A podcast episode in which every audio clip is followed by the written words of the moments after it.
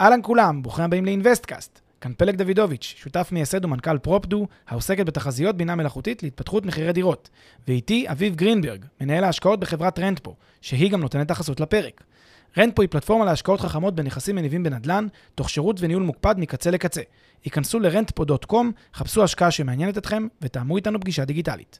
בנוסף, נזמין אתכם להצטרף לקהילת המאזינים של אינוויסטקאסט בפייסבוק. ועכשיו לפרק חדש של אינוויסטקאסט.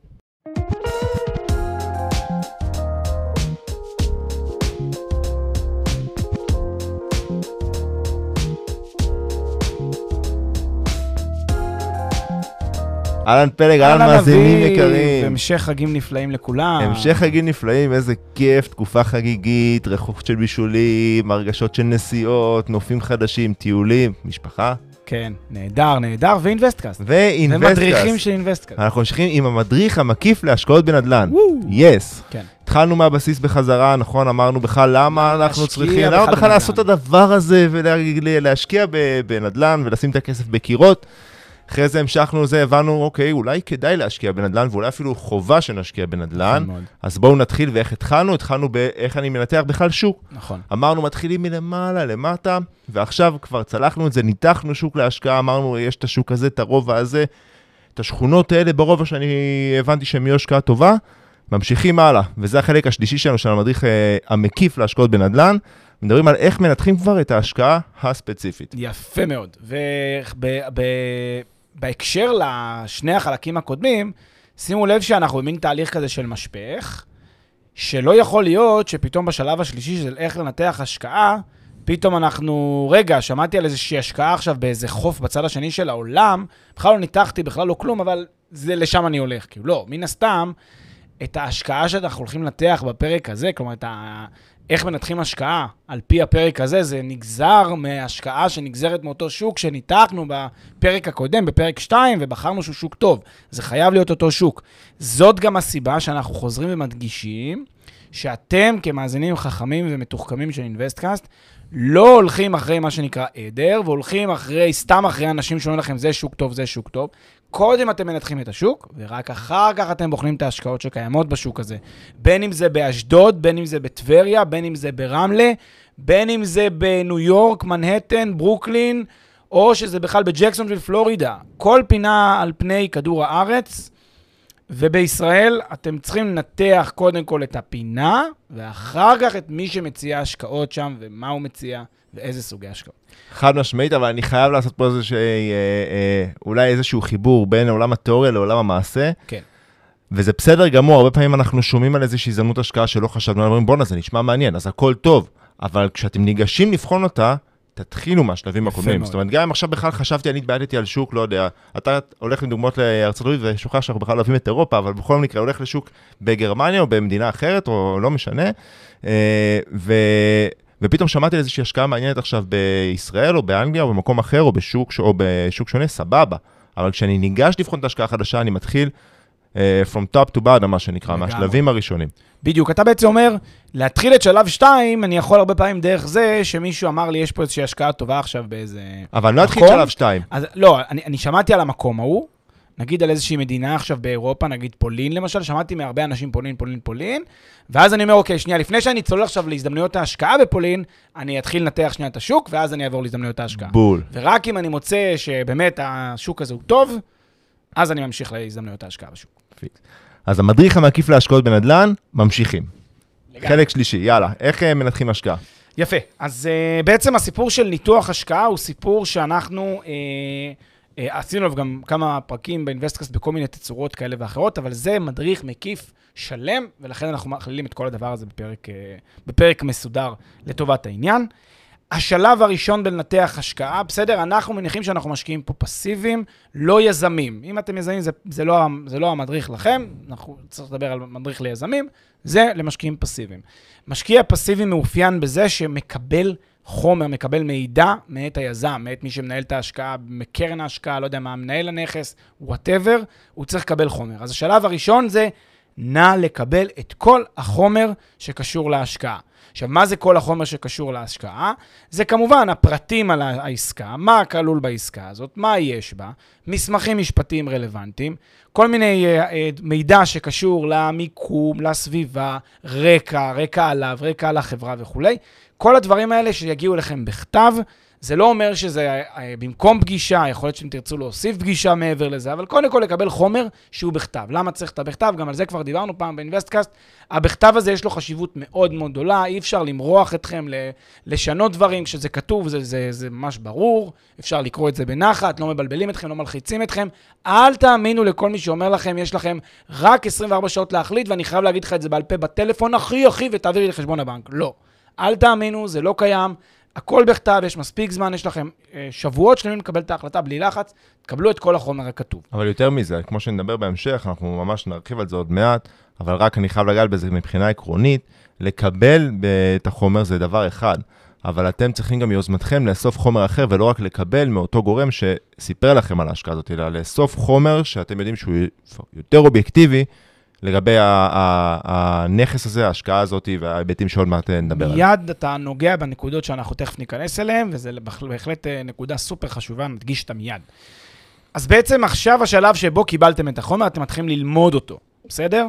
עכשיו שימו לב, הנה כאן 99% מהמאזינים ובכלל מהאנשים עוזבים ואומרים, אתה יודע מה, עזוב, אני סומך על uh, בנצי, היה איתי בצבא, היה איתי פה, היה איתי שם, אחלה גבר, סומך עליו, אני לא בודק אותו. טעות. לצערי זה טעות. גם אם בנצי הוא חבר הנפש שלכם, והכל טוב ואתם סומכים עליו, זה לא קשור. מה שמתאים לבנצי לא בהכרח מתאים לכם, לא בהכרח מתאים למשפחה שלכם, לא בהכרח מתאים, ל, ל, ל, ל, ל, ל, לא יודע מה, ל, ליכולת שלכם לישון טוב בלילה, והמאה אלף דולר שאתם עכשיו מפקידים בידיו של בנצי, וגם אם הוא מאוד מאוד אמין, ואני לא חושד בו שהוא נוכל ויגנוב לכם את המאה אלף דולר, ברור שזה לא שם. יכול להיות שבגלל שהוא לא מספיק מנוסה, או שיש לו קצת פחות מזל בעסקה הזאת, או כי זו עסקה מסובכת, בנצי יכניס אתכם להרפתקה שלא תכננתם. גם, אחד, איבדתם חברות עם חבר טוב, שזה קטסטרופה. שתיים, איבדתם כסף יקר. שלוש, מתוסכלים, מבועטים, נבהלים, כולם רמאים בנדל"ן, כולם זה, זה מה שתרגישו. למה? אז לא, אז לא כדאי. פשוט לא להגיד אני סומך על ההוא, אני סומך על ההיא. סמכו רק על עצמכם. תהיו ישר, תגידו תן לקרוא, תן ללמוד, בנחת, בלי לחץ, חברים והכול, עכשיו אנחנו עושים עסקים. בעסקים אני קורא לבד. חד משמעית. כמובן שאם אתם לא מכירים את בנצי, קל וחומר. גם עשינו פרק על זה. גם עשינו פרק. נדל"ן זה, לא נדל"ן זה אנשים כביכול, אבל אמרנו שצריך מעבר לאנשים, בדיוק. עכשיו, כאן אנחנו צריכים בעצם להפריד את, את, שלב, את השלבי הניתוח לפי השאלה, האם מדובר בעסקה שהיא עסקת דירה להשקעה, מלכת ההשקעות, כמו שכינינו בפרקים הקודמים, או שזו עסקת קרן השקעה, עסקה שאני נכנס כמשקיע בתוך איזושהי שותפות או איזושהי תאגיד שאני משקיע בו. בוא נתחלק, בוא נתחיל כרגע בשלב שאני בדירה להשקעה. דירה להשקעה, זאת אומרת, רוכש דירה על שמי לצורך העניין, משקיע בנכס. בדימונה, בבאר שבע, בתל אביב, בחו"ל. בוורשה, בלונדון או בטוקיו, לא משנה איפה, דירה על שמי, על שמי, על שם אשתי, על שם, לא יודע, על שם מישהו. אני בסוף זה שקונה את הדירה הזאת. זה הרעיון של העסקה. ואני מקבל את ההצעה לרכישת הדירה מצד, מצד כלשהו שקשור, זה יכול להיות מתווך. זה יכול להיות מנהל העסקה, זה יכול להיות חברה שעושה גם וגם, זה יכול להיות uh, המוכר של העסקה שפשוט מציע לקנות. בקיצור, כשמדובר בדירה להשקעה, מה שאני צריך לבדוק זה את מחיר הדירה, האם המחיר נכון בשוק, האם הוא תואם את המחירים באזור, האם הוא תואם את המחירים למטר וכולי, יש כל מיני דרכים לבדוק את זה, לא ניכנס לזה, אבל יש הרבה דרכים לבדוק את זה. ונכון, ונכון לחזור, לחזור לבדיקה של המחיר, אחרי שנעבור על שאר הפרמטרים שאתה אומר עכשיו, כדי להבין האם זה משקף את ה... את הסגנון של הדירה ואת האזור שעוד מעט תיגע עכשיו. כאילו, אני רק אומר, תחזרו גם לבדיקה של המחיר שוב פעם, אחרי שבדקתם את שאר הנתונים שעכשיו אתה תגיד. נכון, מחיר זה משהו כזה שהוא מאוד מרכזי בעסקה, ולכן צריך תמיד להתחיל ולסיים איתו גם כן. אז בדיקה של מחיר הדירה, בדיקה של דמי השכירות החזויים, זה עסקת השקעה, אתם רוצים לוודא דמי השכירות החזויים בעסקה. אם יש כבר חוזה חתום, אם אין חוזה חתום עם סוחר, לכמה זמן החוזה, מה דמי השכירות הקיימים, להבין מה העסקה, מה, מה, מה מצב השכירות שם באזור, כי אתם בסוף בעסקה שהיא כוללת גם את ההשכרה. Uh, עוד דבר שחשוב uh, לבדוק זה את התחזית לגבי צפי עליית מחירים, אני תכף אדבר על זה מיד. מאפייני הדירה, האם מדובר בדירה שהיא אופיינית לאזור? שטח, גודל, חלוקה, נוף מיוחד, מיקום. לראות הרבה דירות במודעות התיווך באתרים השונים, לראות הרבה דירות ולהבין האם זו דירה מיוחדת, האם הדירה שלפניכם דירה מיוחדת, בין, בין היתר בתמונות שלה, למשל, אני אתן לכם דוגמה, בהרבה מאוד מקומות בעולם שהם לא ישראל, אם תלכו, תלכו למשל לראות עכשיו דירות, לא משנה, באמסטרדם, או, ב, או בניו יורק, או בוורשה, ש, שבאמת רואים את זה בצורה מאוד יפה, רמת הגימור של הדירות היא בסטנדרט הרבה, הרבה, הרבה יותר גבוה מרמת הגימור של דירה במרכז תל אביב. ובמרכז תל אביב, מה שנכון למרכז תל אביב, נכון ככלל באופן גורף לשוק. כלומר, זה לא חשוב אם אתם בשנקין, או ב... לא יודע מה, או שאתם בכלל ב, ב, ב, באזור אחר של העיר, ביד אליהו, או שאתם בכלל באפקה. בסך הכל רמת הגימור היא אותה רמת גימור, היא די דומה, במיוחד בבניינים הישנים, שיש גם הרבה שוכרים בהם.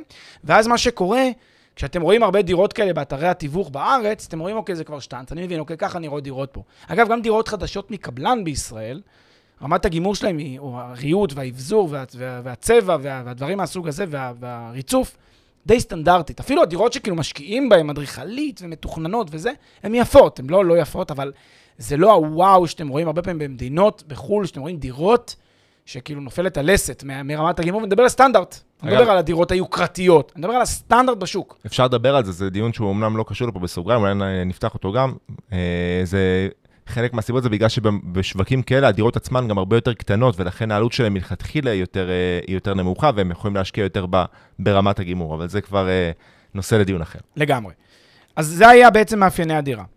עכשיו אני בודק את המודל העסקי כולו, כלומר את כל ההנחות של המודל העסקי שניתן לי. זה מתכתב מה שאמרת קודם, אביב, שיש את מה שניתן לי על ידי מי שמשווק, ויש את מה שאני הולך להכין תכף לבד. תכף נדבר על. מה שאני צריך להכין לבד. אז מה אני בודק במודל העסקי? את התפוסה, את דמי הניהול, את ההוצאות, את כל הרכיבים שמרכיבים את, את, ה, את המודל העסקי הזה. שימו לב, כאן אני גם מכניס את הצפי לפוטנציאל עתידי. כמה אני חוזה שתהיה עליית מחירים. למה? כי מה מעניין אותי במודל העסקי? תשואת ה-IRR. מי שלא מבין את זה, שיחזור לפרק אה, התשואה היא המלך. כל הזמן אנחנו מפנים אליו, זה, זה הכי חשוב באינבסט כזה להדגיש את נושא ה-IRR. אתם עושים השוואה בין עסקאות על בסיס התשואה, התשואה האפקטיבית, התשואה האמיתית של תשואת ה-IRR, ולא התשואה השוטפת בלבד, כמו שהאינטואיציה, כי האינטואיציה פה לא נכונה. צריך לעשות תשואה אמיתית, את התשואה האפקטיבית, וזה באמצעות ה-IRR, ולכן חייבים להכניס את הפוטנציאל לעליית הערך. וגם על זה דיברנו, איך יודעים את הפוטנציאל, מה, מה עושים, לא, לא עושים, דיברנו על זה כבר, לא נרחיב. אחרי שאני בודק את המודל העסקי, אני בודק את תשלומי המיסים שחלים בעסקה, מיסי רכישה, מס שבח, היטלי השבחה, זה בארץ, מיסים בינלאומיים במדינה, במדינת ההשקעה, ומיסים בישראל, ואם קיימת אמנת מס ומה חלוקת המיסים בין המדינות.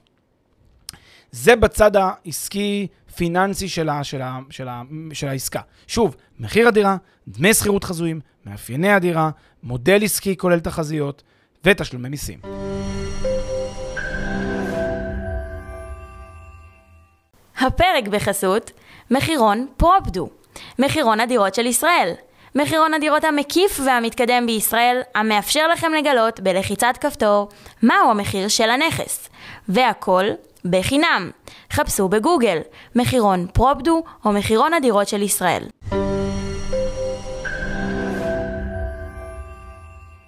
ועכשיו אני עובר לבדיקה שהיא איכותנית על הדירה הזאת. מה אני בודק? את מוכר הדירה, או היזם שמוכר לי את הדירה. אם זה מוכר דירה שהוא לא יזם, אז אני שואל אותו פשוט, אותו, דרך ה... או את מי שמוכר, מי שמשווק לי את הדירה, מה הסיבות של אותו מוכר למכור? סתם שאני אבין. כן, זו שאלה שהרבה אנשים רגילים לשאול, למה אתם מוכרים פה? מה מעניין? קבל תשובה שמניחה את הדעת, בסדר? רוצים להשתדרג, רוצים עוד ילד, פחות ילד, לא יודע. כל אחד והשיקולים שלו. אם זה יזם, וזו חברה יזמית, אני צריך לעשות בדיקה גם על היזם. מי זה, מה הרקע שלו, כמה שנים בתחום, כמה הוא בנה, כמה דירות, כמה שלבים יש לפרויקט, איך נראה הפרויקט, איפה הפרויקט נמצא. שאלות ששואלים בדרך כלל בפרויקטים יזמיים. ופה אני אשאל את השאלה שאולי מובן מאליו, אבל עדיין כדי uh, כן uh, uh, לתת את התשובה למי שזה, uh, לא, למאזינים שזה לא ברור להם. לצורך העניין, בשווקים כמו בישראל, כשאתה רוכש מיזם, אז הרי יש לך די הרבה הגנות על הכסף שלך, נכון? כי יש את חוק הגנת המכר שלא לא, לא צריך להיכנס אליו עכשיו. אז למה עדיין חשוב uh, לבדוק על היזם? אני יודע, זה קצת מובן מאליו, אבל עדיין כדי לסגור את הפינה הזאת. למה עדיין חשוב לנו כן לקרוא על היזם? תראה, בדרך כלל יזמים שונים, יש סטנדרטים שונים של בנייה, סטנדרטים שונים של מסירה, סטנדרטים שונים של הקפדה, סטנדרטים שונים של... Uh, בישראל הממוצע מניסיוני הוא בינוני מינוס, לא טוב. אה, זה הממוצע, יש יזמים מצוינים, יש יזמים פחות טובים, וגם מקרב אלה שהם מצוינים, עדיין יש, אנחנו רגילים שבישראל, כמו בישראל, דברים עדיין לא, לא טיפ-טופ. כלומר, עדיין יש אה, חריקות ונזילות, ו- וזה צריך לתקן, וזה צריך, זה לא עובד, וזה כן עובד, ויש מלא באגים כאלה, ב- ב- בטח בחודשים הראשונים של אה, בנייה חדשה, אפילו אצל היזמים המובילים. אז זה, זה כמעט סטנדרט בארץ, אבל אם תלך למדינות אחרות, במיוחד נגיד באירופה, מניסיוננו הבנייה היא ברמה, לא יודע, שתי רמות הממוצע, אה, מבחינת הרבה מאוד רכיבים, גם מבחינת העמידה בזמנים והקפדה על גימור ודברים מהסוג הזה, בדרך כלל זה קצת יותר טוב, וגם שם עדיין יש מנעד. אתה רוצה לדעת שהיזם שאתה קונה ממנו הוא בצד היותר למעלה של הממוצע ולא מתחת לממוצע, ואתה רוצה להבין את זה, וזה ודאי שגם אמור להשתקף, וזה חוזר למה שאמרת, שוב במחיר. כי אם זה יזם בינוני, אין בעיה, גם אין בעיה לקנות מיזם לא טוב. אגב, אנחנו לא נגד לקנות מיזם לא טוב, או מיזם שזו עסקה ראשונה או שנייה שלו, אנחנו לא נגד בכלל. אמ, אנחנו בעד שאם קונים מיזם שהוא לא מספיק חזק, שזה יבוא לידי ביטוי בתמחור של העסקה. לשלם לו 15% פחות על המחיר לשוק שם, לדירות חדשות, אחלה, הולך. יש מצב שזה יעבוד, אה, וגם ימסור את הדירות והכל יהיה אחלה. אז הבדיקה ליזם היא, היא לא לאותם מקרים של אה, אם היזם ייפול לך או, דבר, או דברים כאלה, היא גם, אבל, גם, אבל, גם, ב, נכון. אבל, אבל בעיקר לכל המצבי ביניים, לכל ה, ה, הטעויות והפגמים שיכולים להיות בדירה, דברים שיגרמו לכם לכאבי ראש אחרי שהדירה תימסר. ליקויים, איחורים, נכון? וגם כמובן נפילה של היזם, אבל זה אנחנו צריכים להניח שברור שזה צריך לעלות כרד פלאג הרבה לפני. כלומר, אם אתם רואים יזם עם בעיות, עם מצוקות, שיש עליו כתבות, דברים לא טובים עליו, זה רד פלאג לפנים, זאת אומרת, זה צריך להיות מובן. אוקיי, אז זה הבדיקה של המוכר או היזם. עכשיו אני בודק את החברה שמנהלת את העסקה, או אותו משווק, אותו גורם שבא והציע לי את העסקה. עכשיו, אם זה מתווך פה בארץ, אין לי מה לבדוק יותר מדי את המתווך. אני יכול לסמוך על, אה, על המתווכים בישראל בסך הכל, שהם לא, אה, אתה יודע, בגבולות הסביר הם אמורים לעשות את העבודה שלהם טוב. אמ, אם יש לי חברת ניהול כי אני משקיע למשל במקום רחוק מהבית שלי, אם אני משקיע בדרום ואני גר בצפון, או אם אני משקיע בחו"ל, אני צריך לבדוק את חברת הניהול. זה קצת פחות היסטרי, כי חברת ניהול אפשר להחליף בקלות. אבל אני כן רוצה להבין שחברת הניהול זה חברה אמינה, עם ניסיון, עם רקע, איך התקשורת איתה עובדת, איך המענה על שאלות והיחס שהם נותנים לכל מיני שאלות שאני שואל אותם וכולי. זה בדיקה של חברת הניהול. אחר כך אני בודק ביחס לאותה דירה את הנוהגים בשוק. מה זה הנוהגים? אני מנסה להבין איך נהוג לקבל דירות, מה רמת הגימור, מה רמת האבזור והריהוט, איך משכירים את הדירה, מהם תנאי ההשכרה, מהו סוג השוכרים, איך בודקים את השוכרים, איך אני בודק את הזהות של השוכרים, כמה זמן חוזה השכירות בדרך כלל, אילו נקודות יציאה, אם קיימות נקודות יציאה, האם אני נהוג לתת לי שנה פלוס שנה, האם נהוג לתת ישירות שנתיים פלוס שנתיים. יש שווקים שנהוג לתקופות לטווח ארוך, חוזים לטווח ארוך, אני יכול להגיד למשל באוסטריה, בווינה, חוזים בדרך כלל לטווח ארוך. יש מקומות בארץ למשל, שגם כן, כדאי לשריין עם סוחר שנתיים ולתת אופציה של עוד שנה ועוד שנה. כמובן שעדיף, מצדכם כבעלים, עדיף שיהיה כמה שיותר אה, קצר, נגיד שנה פלוס שנה. זה עדיף. אבל יש מצבים שהשוק פשוט מכתיב שזה לא, לא נהוג. לא נהוג שאחרי שנה מותר לכם לפנות אותו. אני למשל כסוחר, לא מוכן שלא תהיה לי אופציה, שלא בשליטתי, שלוש שנים קדימה. אני תמיד עושה שנה פלוס שנה פלוס שנה במינימום, כסוחר. בעל דירה שאומר לי, עוד שנה אני יכול לפנות אותך, אין עסק. כלומר, אני לא בא לשנה לעבור לדירה, מעתיק את כל חיי, וזה לא יעבוד. אז לכן, אה, במינימום שלוש שנים שאני רואה אופק קדימה, גם אם יש איזשהו שינוי קטן במחיר בדרך, זה בסדר גמור, אבל שיהיה אה, איזושהי אה, הגנה עבורי כסוחר. ביטחונות שנהוג לתת, כמה זמן חוזה השכירות, איך עוברים הכספים וכולי וכולי, כל הדבר הזה, זה הבנת הנוהגים בשוק, ושלושה דברים שאני צריך לעבור עליהם. לפני uh, תחילת העסקה, שזה הסכם הרכישה, בעצם מול, ה, מול המוכר. כאן יכול לעשות את העבודה עבורי עורך דין מטעמי, אם עושה את זה עורך דין מטעמי, אין לי מה לעבור על זה. אני אומר לכם בצורה רגועה, אתם יכולים לרפרף עורך דין מקצוען, כן? מישהו שהוא איכותי, שעובר על זה, עושה את העבודה עבורכם, אתם יכולים להיות רגועים, כי הוא לא יכניס אתכם... שוב, אם אתם מבקשים ממנו הסברים ולומדים שנייה על מה העסקה ומבקשים ממנו דגלים אדומים. אבל כעיקרון עורך דין מטעמכם אמור לסגור את הפינה. הסכם נוסף שצריך לעבור עליו זה הסכם הניהול מול החברה המנהלת, להבין את ההסכם, זה לא הסכם ארוך, בדרך כלל חמישה, שישה, שבעה עמודים, לקרוא אותו, זה לא סיפור. וסט של הסכם שכירות כזה קלאסי, איך נראה הסכם שכירות שאחר כך אני אשכיר את הדירה, בדרך כלל לא הסכם ארוך, כדאי שתעברו עליו גם כן מראש. בזאת סיימתם את הניתוח של עסקת רכישה של דירה, לפני שאתם צריכים להכין למודל עסקי משלכם. אני רק אחזור ברשותך על הכותרות של הדברים, כדי שמי שרוצה אולי לכתוב. בדיקה של מחיר הדירה, בדיקה של דמי השכירות החזויים, בדיקה של אה, מאפייני הדירה, המודל העסקי כולל תחזית קדימה, תשלומי מיסים, בדיקה של מוכר הדירה או היזם, בדיקה של חברת הניהול, הבנת הנוהגים בשוק, והבנה של, ומעבר על הסכמי העסקה. זה מה שעושים בעסקת רכישת דירה להשקעה. סגור. עכשיו, לגבי הנוהגים בשוק, שימו לב שזה מתקשר, חלק מהדברים שאמרנו, מתקשרים עם בדיקת מאפייני הדירה. זאת אומרת, אחרי ש, שאני מבין איך, אה, מה, הרי בדיקת מאפייני הדירה, אם היא מיוחדת, זאת אומרת, אני רוצה לעשות את זה לאור מה שאני מבין שהמקומיים בשוק מבקשים לקבל ומצפים לקבל, זאת אומרת, לאור רמת הגימור שמקובלת בשוק, אה, אה, רמת האבזור והריהוט ומי הסוחרים, זאת אומרת, חשוב כן להבין מי, מי הציבור שהדירה תהיה רלוונטית עבורו, ואז לחזור ולבחון את הדירה. האם היא, האם היא מספקת את, ה, את, ה, את, ה, את מה שהם מבקשים, את הביקוש. כן, והדברים האלה, שימו מתי אנחנו עושים את הבדיקות האלה. לפני שהתחלנו לקנות. כלומר, אני עושה את הבדיקה על מי השוכרים שלי ומה הם אוהבים ומה הנוהגים שלהם לפני שקניתי. כי אם קניתי, ואז אני עושה את הבדיקה על השוכרים, כי אני מניח שיהיה בסדר, הופה, אני יכול לחטוף מין הפתעה. למשל, מה שקורה עם כל הנושא של פיקוחי שכר דירה במדינות מסוימות, שפתאום נהוג שאתה לא יכול לפנות שוכר, whatsoever, אי אפשר לפנות שוכר, כי ככה החוק המקומי. ואז אתם תיתקעו ועשיתם עסקה לא טובה, פשוט כי לא בדקתם את זה מראש. האחריות היא עליכם, הנכס הוא שלכם. חבל, חרם על כמה מאות אלפי שקלים שילכו פה, או לא, לא ילכו, אבל שיפגעו על עסקה לא טובה שעשיתם בגלל שלא בדקתם. לא ובסוף לא הבדיקה היא די פשוטה, צריך להגיד. באמת שהבדיקה היא, היא בסופו של דבר די פשוטה להבין מה השוק מבקש.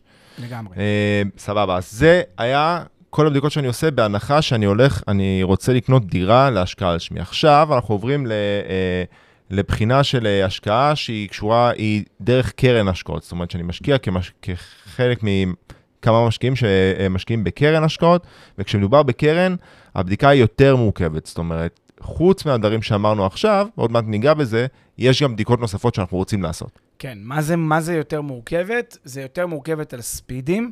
צריך להבין, וכאן גם באמת אנחנו נתקלים בהכי הרבה בעיות עם אנשים שאנחנו פוגשים ורואים וקוראים עליהם אפילו גם בעיתון.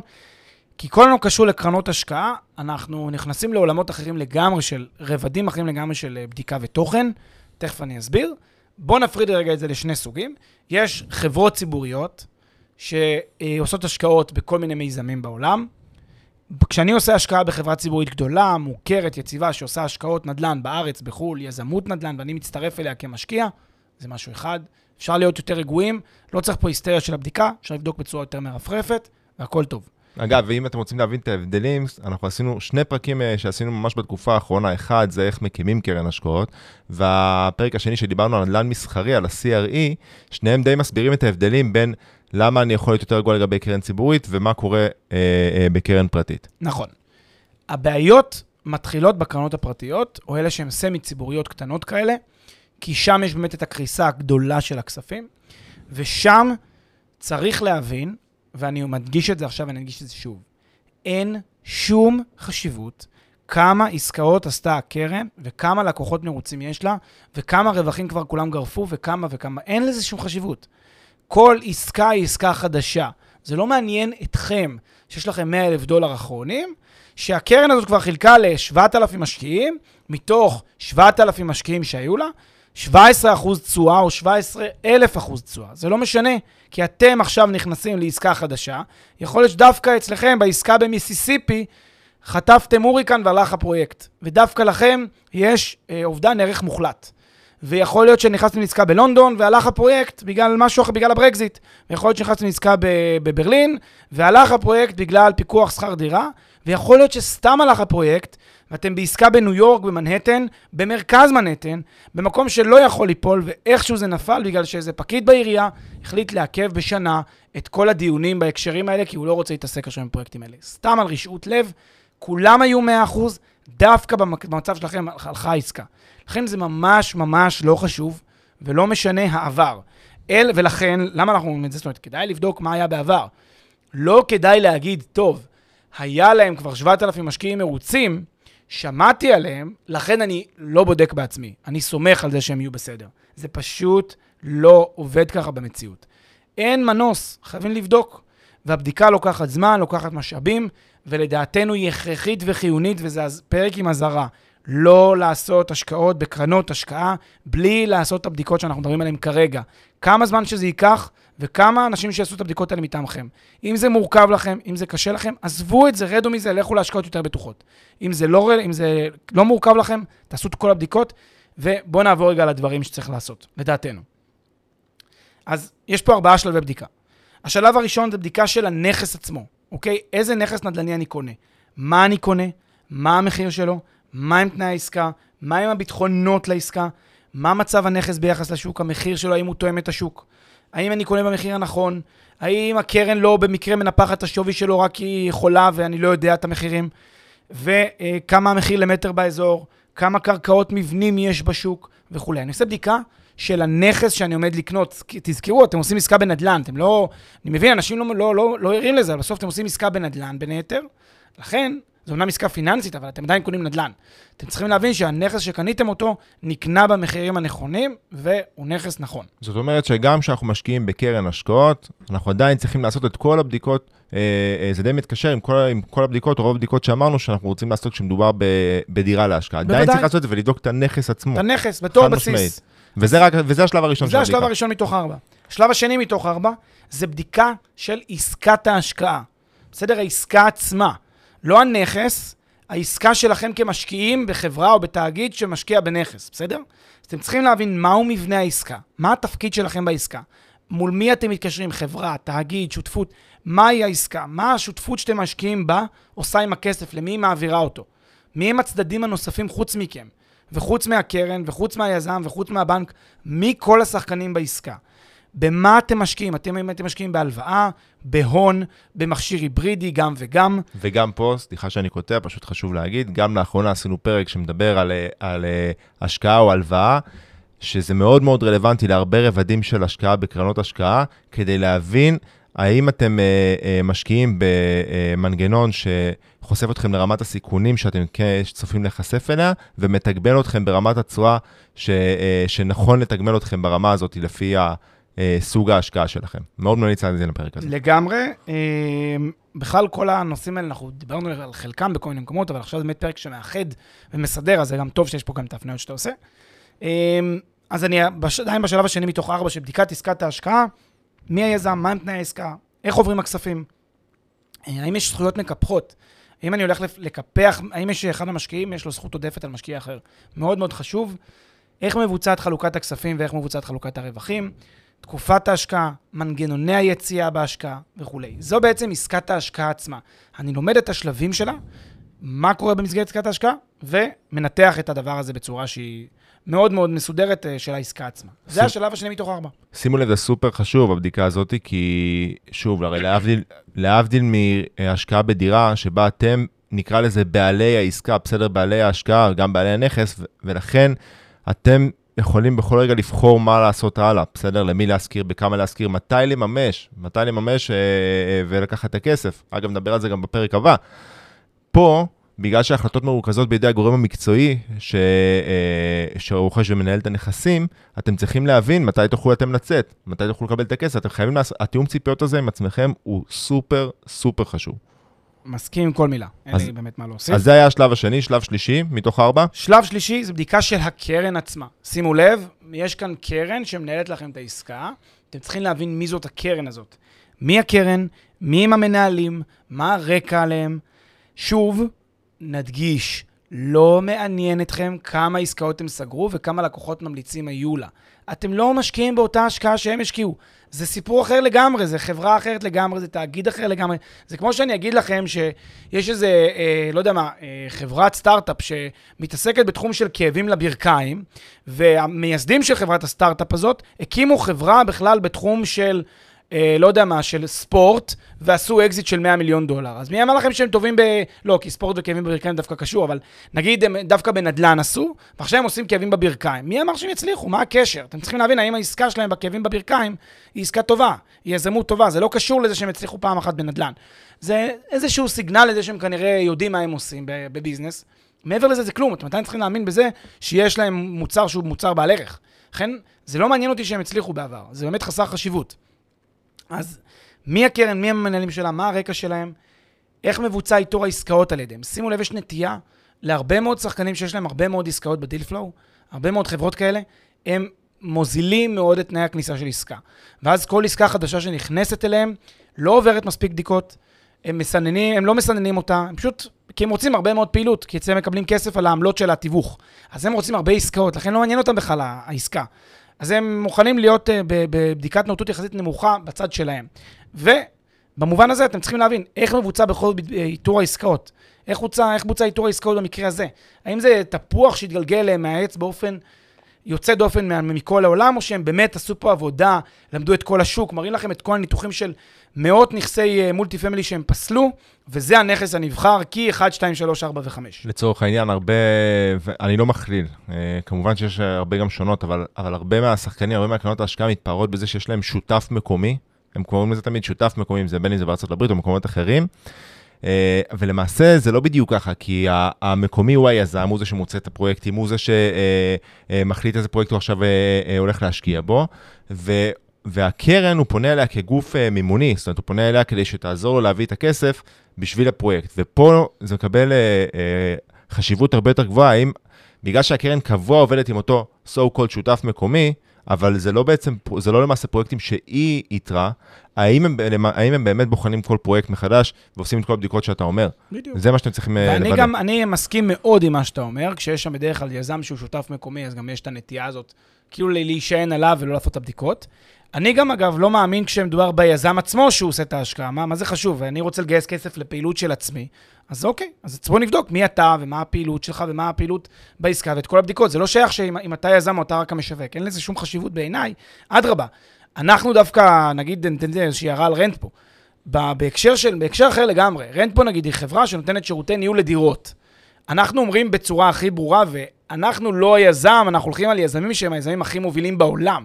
קל לנו מאוד להגיד, אנחנו לא יזמים, כי אנחנו לא רוצים שישקיעו בנו כיזם. ישקיעו בנו כמי שנותן שירות לרכישה מיזם שהוא מוביל, הכי מוביל בעולם. ומייצגים את הרוכשים ולא את היזם. בדיוק, ובן שאומר, אני היזם ותסמכו עליי, אז אוקיי, מי אתה? כאילו, אוקיי, אתה, אתה חברה ציבורית גדולה שמחזיקה בעשרות אלפי יחידות דיור, או שאתה איזה יזם קטן שיש לו כמה עסקאות ב... ב, ב, ב לא יודע מה, ב-20 שנה עשה איזה 5-6 עסקאות והוא יזם גדול. שוב, אין פה, לא להכליל, יש גם יזמים מצוינים, אבל זה הכל, אתם צריכים להבין, בסוף זה הכסף שלכם, ואתם צריכים להיות מאוד מאוד זהירים איתו. בגלל זה אנחנו באים ואומרים את הדברים בצורה מאוד מאוד ישירה בהקשר הזה. כמה עסקאות מבוצעות לאותו גורם במקביל? ככל שיש יותר עסקאות במקביל, אז צריכה להיות מוטת ניהול יותר מורכב, מורכבת, יותר גדולה, אז צריך להיזהר שאין יותר מדי. וזה בעצם הבדיקה השלישית, שזו בדיקה של הקרן עצמה. הבדיקה האחרונה היא לא פחות חשובה, זו בדיקה משפטית. ושוב אנחנו מזהירים, חייב להיות עורך דין מטעמכם, שאתם שוכרים את שירותיו בנפרד, בלי קשר למה שהקרן עושה. אתם שוכרים עורך דין מטעמכם, עורך דין שמתמחה בנדל"ן, בהשקעות בנדל"ן בחו"ל, בהשקעות דרך קרנות בנדל"ן בחו"ל, בסדר? אומרים לאותו עורך דין, אנא, קח את כל סט המסמכים, יעלה כמה שיעלה, נעבור עליו, חווה דעתך. אני אומר לכם, הרבה מאוד פעמים עורכי דין יגידו לכם, חבר'ה, יש פה הרבה דגלים אדומים. זה בעיה, אוקיי? הרבה פעמים זה קורה. אה, ולא רק בגלל שהם מכסתחים את עצמם, גם זה קורה לפעמים, אבל הרבה פעמים זה בגלל שבאמת יש בעיות. עורך דין מטעמכם חייב לעבור על העסקה, חייב להעיר את תשומת לבכם לדגלים שמתעוררים. חייב, חייב, חייב. אין דבר כזה, אני ועוד פעם בנצי, מכירים מהצבא, גדלנו יחד, מה זה, שתינו יחד מאותו ג'ריקן, הכל היה מדהים, אני סומך, זה לא יעזור, זה לא משנה. אתם חייבים להבין שהוא קרא את הביטחונות, שהוא קרא את העסקה.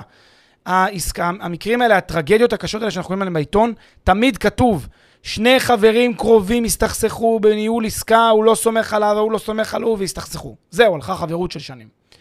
לא כדאי. תביאו את העורך דין, תמנעו את זה, מאוד מאוד חשוב. כמובן שזה נכון אם מדובר במישהו זר שאתם משקיעים בו. שאתם לא מכירים שאיזה חבר המליץ לכם, אתם לא יודעים מה האינטרסים של החבר, או הבן אדם שהמליץ לכם, אם הוא מקבל מהם משהו, מאוד מאוד להיזהר. המסקנה שעולה לי, אגב, מה, מה, מהעניין הזה, זה שקרנות השקעה, קרנות השקעה אה, פרטיות, זה השקעה שאנחנו מבינים שהיא יותר מורכבת, היא מצריכה בדיקות יותר מורכבות, העלות של הבדיקות האלה גם יותר יקרה ביחס להשקעה בדירה, ולכן אה, כדאי מאוד שתבינו שהיא מפצה אתכם בפוטנציאל לתשואה שהוא טיפה יותר גבוה, שמצדיק את כל העבודה הזאת. בגלל שברוב המקרים, סטטיסטית, אנחנו רואים שלא ככה הדבר, בגלל זה הנטייה שלנו, ואנחנו תמיד אומרים את זה, זה ללכת למשקיעים פסיביים, למשקיעים סולידיים, ללכת להשקיע ב, אה, בדירה שהיא רשומה על שמכם. זה בעצם השורה התחתונה בסוף. אלא אם כן אתם משקיעים בחברה ציבורית או באיזשהו תאגיד שהוא בדיוק, ציבורי דיברתי על נסחר. קרנות פרטיות. נכון, קרנות פרטיות, אני מסכים איתך לגמרי.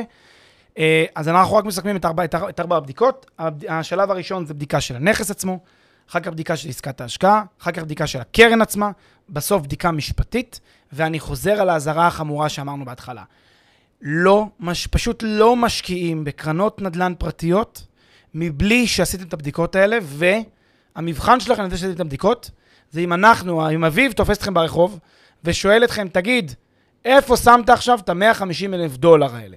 אם אתם לא יודעים לספר לו רבע שעה ברצף, בלי קטיעות, בצורה מפורטת, לענות לו על כל השאלות על העסקה, לאן הכסף עובר, לדרך איזה חשבונות, מי מנהל, מתי מגיע, באיזה אזור, באיזה מקום, מה סוג העסקה, מה רמת השכירות, מה, מה המחירים למטר. אם אתם לא שורקים לו את זה מתוך שינה, כמו שאתם יודעים לשרוק לו את מחירי הנדל"ן בדימונה, כשאתם קונים דירה בדימונה, ומבינים את העסקה בדימונה, אז יוטרן ענק מהעסקאות האלה, זה לא בשבילכם. אם אתם עושים חיים קלים לעצמכם, זה לא חיים קלים, זה ייגמר במפח נפש, אל תאמינו לנו, תקראו כלכליסט דה מרקר, גלובס, כל יום, תפתחו את העיתון, תראו עוד עוקץ ועוד הונאה ועוד רמאות ועוד טרגדיה ועוד כסף שהלך. מיליונים נשפכים, דמעות נשפחות, חבל, חבל, חבל. זו דעתנו, מאוד פשוט. אני רואה עכשיו את המאזינים שלנו נוהגים ברכב ומשננים, אה, יש להם איזה השקעה שהם בוחרים, משננים למקרה שחלילה הם ייתקלו בי ברחוב, משננים את הפרטים. את פרטי ההשקעה. שוב, יכול מאוד להיות שאתם עשיתם את כל הבדיקות האלה, וזה גם חשוב. אם עשיתם את כל הבדיקות האלה והשתכנעתם שהיא עסקה פנטסטית פגז, יופי. רוצו ותספרו לאביב, תענו לו בגאון על העסקה ותשכנעו אותו, ותאמינו לי שאנחנו ניתן לכם אור ירוק. גם אנחנו יזמים, גם אנחנו מבינים את הצורך ביזמות ואת הצורך בלקיחת סיכונים, הכל בסדר. אבל כשאתם שורקים את הסיכונים, כשאתם מבינים אותם, זה הנקודה. ולא כשאתם חושבים שזו עסקה בטוחה ולא מבינים מה עשיתם. אחרי שעשינו את הבדיקות, בין אם הייתם במסלול של נדל"ן לדירה למגורים, ובין אם קרן השקעה, זה השלב שבו אתם עושים את השלב הסופי, שזה הכנת המודל העסקי על ידכם. שימו לב, מה שאמר אביב בתחילת הפרק, כל המידע התקבל מהיזם עד כה, או מהמשווק, או מהמתווך או whatever. שום דבר לא הגיע מכם. עכשיו אתם צריכים לבנות את המודל העסקי מטעמכם. איך בונים את המודל העסקי? לוקחים בעצם את השלד של מה שהביאו לכם, אפשר להשתמש בו, וממלאים את הפרטים כאילו אתם הייתם צריכים להכין את המודל, תחת ההנחות שלכם. ואז זה מצריך, מצריך שתבדקו עצמאית כל נתון. פה תגלו אם באמת כל מה שנאמר לכם תואם את המציאות או לא. תעשו את הבדיקה הזאת לפני שאתם נכנסים לעסקה, ואז לא יהיו לכם הפתעות. שימו על מודל, תבדקו, ואז לא תוכלו להגיד, לא ידעתי, הופתעתי, שיקרו לי, רימו אותי, עונו אותי, לא אמרו לי שבקרן הזאת זה ככה, לא אמרו לי שזה ככה, לא. הכל כתוב, הכל ידוע, לא קראת, התעצלת, בעיה שלך. אז אתם צריכים לעשות מראש את המודל העסקי עבורכם, תחת ההנחות שאתם מוצאים בכוחות שלכם, ביכולות שלכם. ההנחות המרכזיות שאנחנו, שאתם צריכים להתייחס אליהן, זה באמת הדברים שאמרנו בתחילת הדרך, זה מחירי השכירות, זה הצפי של התפוסה, זה עליית הערך, אגב, אמרנו שניגע בזה בהמשך, ואולי ערך. צריך, צריך שנייה להתר... אה, להרחיב בזה, כי לפחות לכל המשקיעים הפסיביים בינינו שמכוונים למנגנון השקעה שהוא יותר סולידי, עליית ערך זה שם המשחק, זאת אומרת, זה בסוף לגמרי. המרכיב המרכזי, כאילו, בשוק בריא שצומח בצורה יפה, אתם תראו שהתשואה מהשכירות היא הולכת וקצת נשחקת עם הזמן, כי מחיר הנכס, שווי הנכס הולך ועולה, כי יש עליית ערך שהיא היא הרבה יותר גבוהה מה- מהתשואה השוטפת שלכם מהשכירות. זה מה שאתם רוצים לראות בסגנון, בסוג ההשקעות האלה. מאוד מאוד מדויק. אמ, זהו, אז בעצם בזאת אנחנו מסיימים. אז רק אולי נעשה עוד פעם סיכום של כל השלבים. רק. שנייה, אה, סליחה, כן, לפני כן, זה, לגבי המודל העסקי, אז אה, מכינים את זה באקסל, בסוף צריך פה איזושהי מיומנות באקסל, ואם אין לכם אז מאוד כדאי שתרכשו, זה בכלל, אלה הרבה דברים בחיים. לגמרי. אה, רוא- כדי שתראו בסוף מול העין את כל הנתונים, ותכינו לעצמכם אה, אה, טבלת ניתוח אה, אה, רגישויות, מה זה נקרא. טבלה שבעצם אומרת, אוקיי, זה, הניתו, זה מה שאני הולך לראות במקרה האופטימי, זה מה שאני יכול במקרה, נקרא לזה הריאלי או במקרה ביניים, וזה מה שאני אראה במקרה הפסימי. כאילו, תנתחו איזה שלושה מצבי עולם, לפי המידע שאתם מקבלים, כדי ש, שתהיו מוכנים לכל דבר. אם אתם לא יודעים לעשות את השלבים האלה, אחד מהם, מודל עסקי, בדיקה, לא יודעים לקרוא נתונים, לא יודעים לקרוא מספרים, לא יודעים לקרוא את ה... זה, לא יודעים לדעת מחירי שכירות, לא יודעים... חבר'ה, אל תשקיעו בנדל"ן. נקודה. או שתתייעצו עם מישהו שכן. אתם יכולים להתייעץ עם מישהו שכן, אבל אתם עדיין, אלא אם כן מי שאתם מתייעצים איתם הוא, לא יודע מה, חבר נפש, או בן אדם שהוא צד שלישי, לא קשור לכלום, שעשה לכם את כל הבדיקה לבד על דעת עצמו, והביא לכם תוצאות. ואז הצלתם לו את כל שיקול הדעת, וגם צריך לדעת שהוא לוקח את האחריות על הכסף, באיזושהי צורה. כל זמן שאתם לא יודעים לעשות את הדברים האלה, אני מבקש מכם, מפציר בכם, אל תיכנסו לזה, זה לא בשבילכם. יהיו לכם מפחי נפש, אתם תופתעו. אם אתם לא מבינים את המחירים, סתם דוגמה, אם אתם לא מבינים את מחירי השכירות באזור, כי לא בדקתם, כי לא טרחתם לבדוק, ולכן לא הכנתם מודל עסקי, שבו שמתם את מחירי השכירות באזור כפי שאתם מגלים אותם אחר כך, זה יגרום לכם מפח נפש, כי לא ידעתם. פשוט לא, וזו אחריות שלכם. כנ"ל עם ה... וזה יכול להיות שהקרן ההשקעה אמרה לכם, מה, מחירי השכירות פה זה אלף דולר למטר. זה, זה אלף דולר ל, ל, לחודש. זה מה שאני אומר לכם, זה המחיר השכירות פה. אתם באים בפועל, רואים, הוא לא מצליח פה ב-600 להשכיר. מאיפה הביא את האלף? הוא אשם או אתם אשמים? אתם אשמים. למה? כי לא בדקתם, כי התעצלתם, לא היה לכם כוח לבדוק.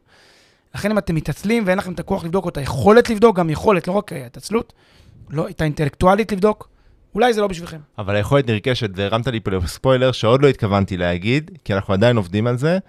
אנחנו מתכוונים לחזור למסורת הקורסים אה, אה, שעשינו, גם לגבי עולם ההשקעות, ובטח ובטח אה, השקעות בנדל"ן ובניית מודלים עסקיים.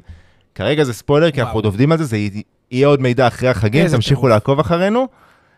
ואנחנו נוכל לעזור לכם בהיבט הזה. אם אתם עדיין מרגישים חלש, אנחנו נשמח, יהיה קורסים גם פרונטליים, גם דיגיטליים, נדבר על זה בהמשך. תמשיכו לעקוב אחרינו, יהיה עוד הרבה מידע לגבי זה. פנטסטי, אז רק נמקם את עצמנו שוב חזרה בזה, אנחנו במדריך להשקעות, פרק שלישי, בחלק שקשור לאיך מנתחים השקעה, והשלבים זה, אנחנו בעצם מקבלים את כל החומר, ואז מחלקים את זה לפי דירה להשקעה או קרן להשקעה, דירה להשקעה או קרן השקעה. אם זה דירה להשקעה, יש סט, סט דרכים יחסית נוח ונגיש, כמו שציינו. אם זה קרן השקעה, אז אם זה קרן שהיא חברה ציבורית גדולה, מוכרת, מבוססת, הבדיקה היא מאוד קצרה.